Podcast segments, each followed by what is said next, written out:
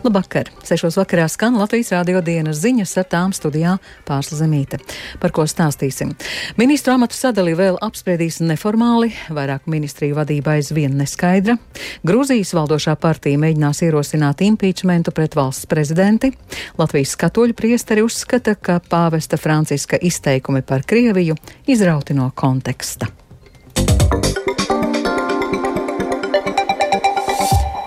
Latviska, labklājīga un iekļaujoša Latvija. Potenciālie nākamās koalīcijas partneri no jaunās vienotības Zaļo un Zemnieku savienības un progresīvajiem pārunājuši veicamos darbus, principus un vērtības.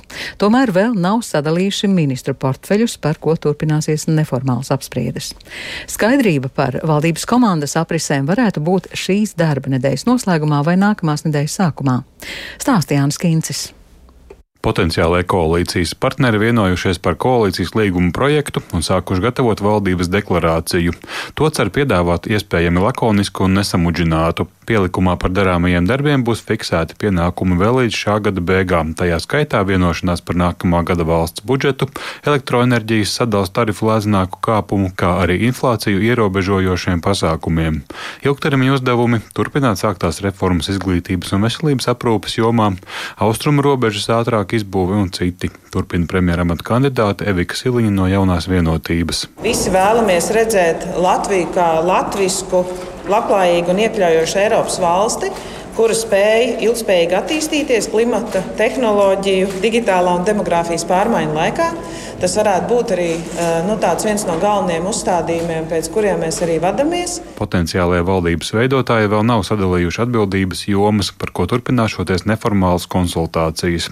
Andris Šuvājevs no progresīvajiem un Viktors Valains no Zaļo zemnieku savienības piebilda, ka pirms portfeļu sadalīšanas jādefinē uzdevumi. To uzskaitījumam būtu jāatspoguļo vēlme uzlabot sabiedrības uzticību valdībai un saimai. Nevajadzētu būt situācijai, kur noteikts ministrijas pieder noteiktām partijām. Ministru vieta vietas tukšas nepaliks. Jautājums ir eh, sākotnēji vienoties par to, ko šie ministri darīs. Neoficiāli minēts, ka jaunā vienotība līdz ar premjera amatu nākamajā valdībā vēlētos saglabāt finanšu ministra kā par valsts budžetu atbildīgo posteni. Progresīvie jau iepriekš minējuši interesi uzņemties atbildību par labklājības, veselības, arī satiksmes jomu. Par ārlietu ministra amatu interesi izrādot gan jaunā vienotība, gan progresīvie. Zaļo un zemnieku savienība būtu gatava vadīt zemkopības ministriju. Jāatgādina, ka saskaņā ar Siliņas rosinājumu ZZS neuzņemtos atbildību par iekšlietu, tieslietu un aizsardzības jomu. To minēja kā vienu no risinājumiem, kā mazināt bažas par ASV sankcijām pakļautā Aivara Lemberga ietekmes atjaunošanos. Šajā uzskaitījumā vēl nav vairāku ministru amatu. Lielāka skaidrība par atbildības sadalījumu sagaidāma tuvāk nedēļas beigām vai nākamās nedēļas sākumā. Partiju oficiālās sarunas turpināsies trešdien. Jānis Kincis, Latvijas radio. Krievijas pilsoņiem izsniegtās pastāvīgās uzturēšanās atļaujas kopš 1. septembra ir zaudējušas spēku. Lai turpinātu dzīvot Latvijā, viņiem jāpierāda valsts valodas zināšanas un dzīvošanai nepieciešamais finanšu resurss. Liela daļa Krievijas pilsoņu valsts valodas eksāmenu nav nokārtojuši vai pat nav tam pieteikušies. Netiekot galā ar situāciju, valdība augusta beigās steidza pagarināt laiku valodas pārbaudēm, stāsta Paula Dēvica. Pagājušā gada rudenī rosinātās izmaiņas imigrācijas likumā paredz, ka līdz 1. septembrim vairāk nekā 25 tūkstošiem Latvijā dzīvojošo Krievijas pilsoņu bija jānokārto valsts valodas pārbaude. Līdz ar septembra sākumu šiem cilvēkiem pastāvīgās uzturēšanās atļaujas ir beigušās. Tomēr augusta izskaņā valdība lēma šīm personām dot vēl divus gadus, kuru laikā šo valodas eksāmenu nokārtot. Par izmaiņām gan vēl jālemj saimai. Iespējams, jau rītdien šo jautājumu steidzamības kārtā skatīs Saimas aizsardzības komisijā. Tā ziņu raidījumā Labrīt skaidroja komisijas priekšsēdētājs Raimons Bergmanis. Konkrētākiem lēmumiem gan būtiski zināt, cik daudziem ir interese Latvijā palikt un cik daudzi dosies prom. Apgrūtina arī izmaiņas valdības sastāvā, tā skaidro Bergmanis. Pilsonības un migrācijas lietu pārvaldes dati liecina, ka valodas pārbaudē ir pieteikušies vairāk nekā 13 tūkstoši Krievijas pilsoņu.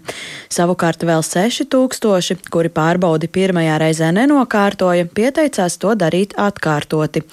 Viņiem šāda iespēja būs, jo no šodienas līdz 30. novembrim atsākas šie valodas eksāmeni. Savukārt 800 iedzīvotāji ir pieteikušies termiņu uzturēšanās atļaujai. Nav zināms, cik daudz lēmuši Latviju Latviju pamest, taču šādi cilvēki ir, un no izbraukšanas rīkojuma saņemšanas dienas viņi to varēs izdarīt 90 dienu laikā. Par izmaiņām imigrācijas likumā visticamāk rīt spriedīs Saimas aizsardzības komisijā. Rīt arī būs zināmi detalizēti rezultāti par to, kā Krievijas pilsoņiem valodas pārbaudēs veicies līdz šim. Paula Dēvica, Latvijas radio. Vairāki Krievijas atbalstīti tā dēvēto aktīvistu grupējumi šodien arī Latvijā veikuši plašus kiberuzbrukumus pret iestādēm valsts, finanšu un veselības aprūpas sektorā. Tā vēstīts informācijas tehnoloģiju drošības incidentu novēršanas institūcijas CERTLV mājaslapā.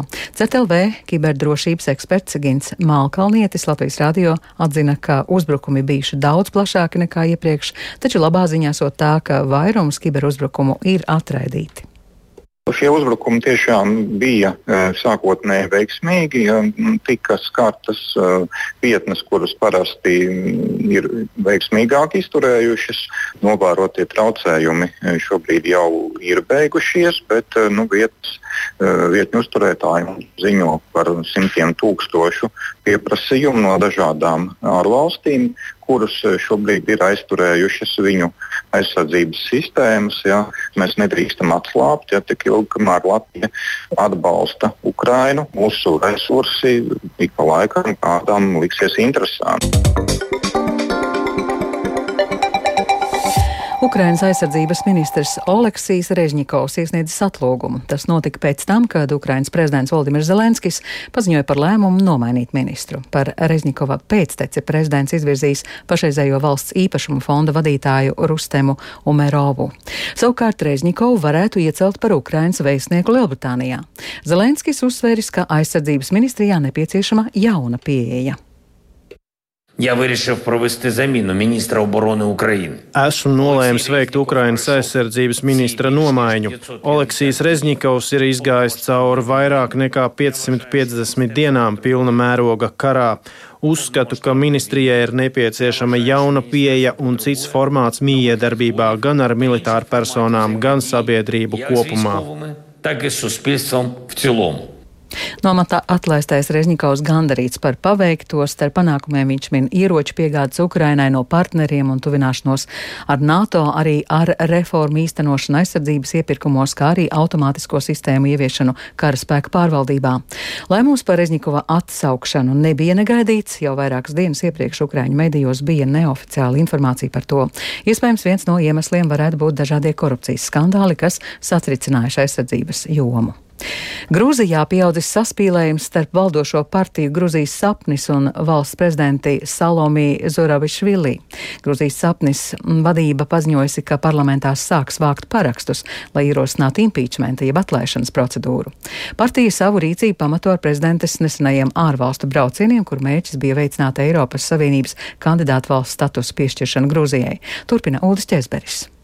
Partijas Gruzijas sapnis priekšsādātājs Iraklīs Kobahidze piekdien paziņoja, ka politiskais spēks mēģinās panākt impeachmenta procedūru pret valsts prezidenti Salomi Zurabišvili. Kobahidze sacīja, ka prezidente bez valdības piekrišanas ir devusies uz ārvalstīm, lai runātu par Gruzijas iespējamo dalību Eiropas Savienībā. Gruzijas sapnis uzskata, ka tādējādi Zurabišvili ir pārkāpusi valsts konstitūcijas punktu, kas paredz, ka Gruzijas ārpolitiskos jautājumus var risināt tikai valdība. Zurabišvili pagājušajā nedēļā Berlīnē tikās ar Vācijas prezidentu Franku Walteru Steinmeieru, bet pēc tam devās uz Briseli, lai tiktos ar Eiropas Savienības padomes prezidentu Šarlu Mišelu. Maz ticams, ka prezidenta atbrīvos no amata, jo tam būtu nepieciešams vismaz 100 no 150 deputātu balstīm, tādā gadījumā par Zurabišvilī atbrīvošanu būtu jābalso arī opozīcijas deputātiem.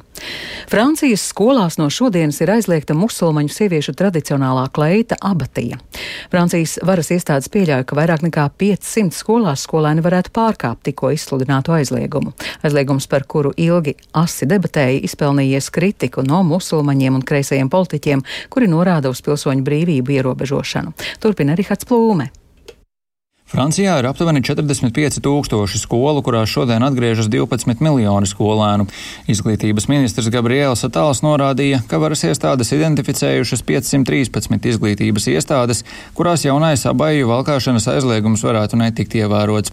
Šajās skolās norīkoti apmācīti inspektori, lai novērotu situāciju. Reliģisku simbolu publiska nēsāšana Francijā pastāvīgi izraisa konfliktus, īpaši, ja tas attiecas uz islāmticīgajiem. Jau 1990. 94. gadā tika pieņemts likums, kas skolās pieļāva nesāt reliģiskos simbolus vienīgi tad, ja tie nav publiski redzami. Ukrainā un ne tikai tur sašutumu vētru pagājušajā nedēļā izraisīja Romas pāvesta Franciska uzruna Krievijas katoļu ticīgajiem jauniešiem. Francisks cildināja Krievijas diženumu un carus, kuri savulaik paplašinājuši šīs valsts robežas.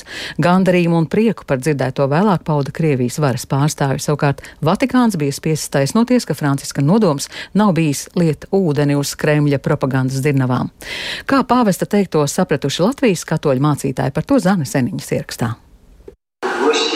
Romas pāvests Francisks pagājušajā nedēļā ar videokonferences starpniecību uzrunāja Sanktpēterburgā notiekošās desmitās Viskrievijas katoļu jauniešu tikšanās dalībniekus.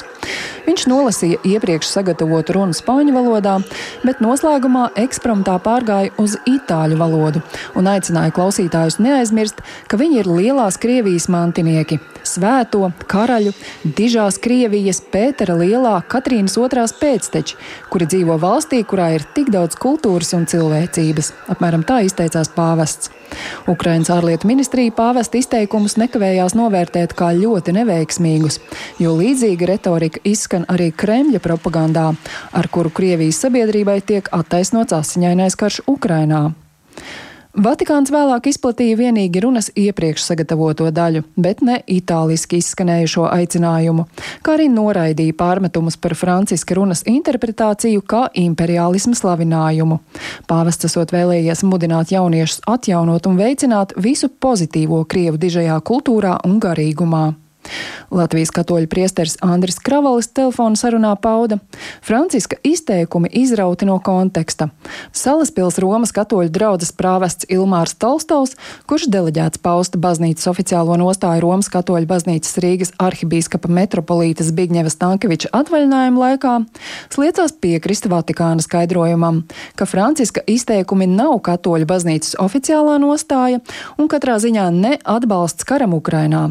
Latvijas radio izvaicāja arī vairākus citus katoļu priesterus. Izskanēja arī doma, ka karš Ukrainā nesot nepārprotama Krievijas puses agresija. Jāatgādina, ka arī Francisks jau agrāk izteicies, ka Krievijas iebrukums bijis iespējams izprovocēts. Šajā kontekstā jāatgādina, ka Latvijas televīzija nesen pieņēma lēmumu pārtraukt translēt Latvijas pareizticīgo dievkalpojumus, jo tajos aizlūgts arī par Maskavas un visas Krievzemes patriārhu Kirilu, kurš nevien atklāti atbalsta, bet pat dod svētību Krievijas karam Ukrainā. Zana Eniņa, Latvijas radio. Vēl par sportu. Pirmajam pasaules čempionātam skriešanā, kas Rīgā risināsies 1. oktobrī, ir reģistrējušies dalībnieki no vairāk nekā simt valstīm. Pasaules čempionāts vienlaicīgi pulcēs gan elites līmeņa skrējējus, gan skriešanas entuziastus. Organizatori rēķinās ar aptuveni 15 tūkstošiem skrējēju dalību. Stāsta organizatoru komandas vadītājs Aigars Norts. Mēs varam iedomāties, ja kur pasaules skriešanas lielvalsts, un tās visas būs šeit ļoti labos sastāvos. Un, kas man liekas ārkārtīgi arī interesanti, ir, ka tas nozīmē, ka tie rezultāti, ko mēs pieredzēsim, gan pusmaratonam, 500 km, gan jūdzēji, nu, tie būs kaut kas tāds, ko mēs šeit neesam redzējuši. Krietni ātrāk par stundu pusmaratonā, ja teiksim, kā jau es teicu, es gribētu cerēt arī, ka būs jūdzēji jauns pasaules rekords. Es domāju, ka viņi ir tie, kas var iedvesmot jauno pauzi, kas var iedvesmot ne tikai jauno pauzi, arī, arī visus iedvesmot nu, kustēties. Ar to izskan Latvijas rādio dienas ziņas producents Edgars Kopčs, ierakstus montēja Kaspars Groskops par labskaņu grupējā sīveta zvejniece, ar jums runāja Pārsla Zemīte. Rīgā 19 grādi, dienvidrietumu vējš 3 m2, gaisa spiediens 772 mm, gaisa relatīvais mitrums 72%, bet kāds laiks gaidāms turpmāk prognozē Toms Bricis.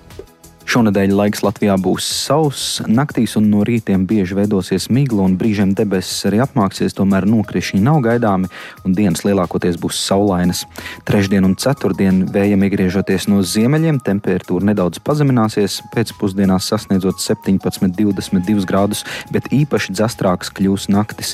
Ceturtdienas agrā rītā temperatūra lielākajā valsts daļā tikai 4-9 grādi, piekrastē līdz 10-14 grādiem.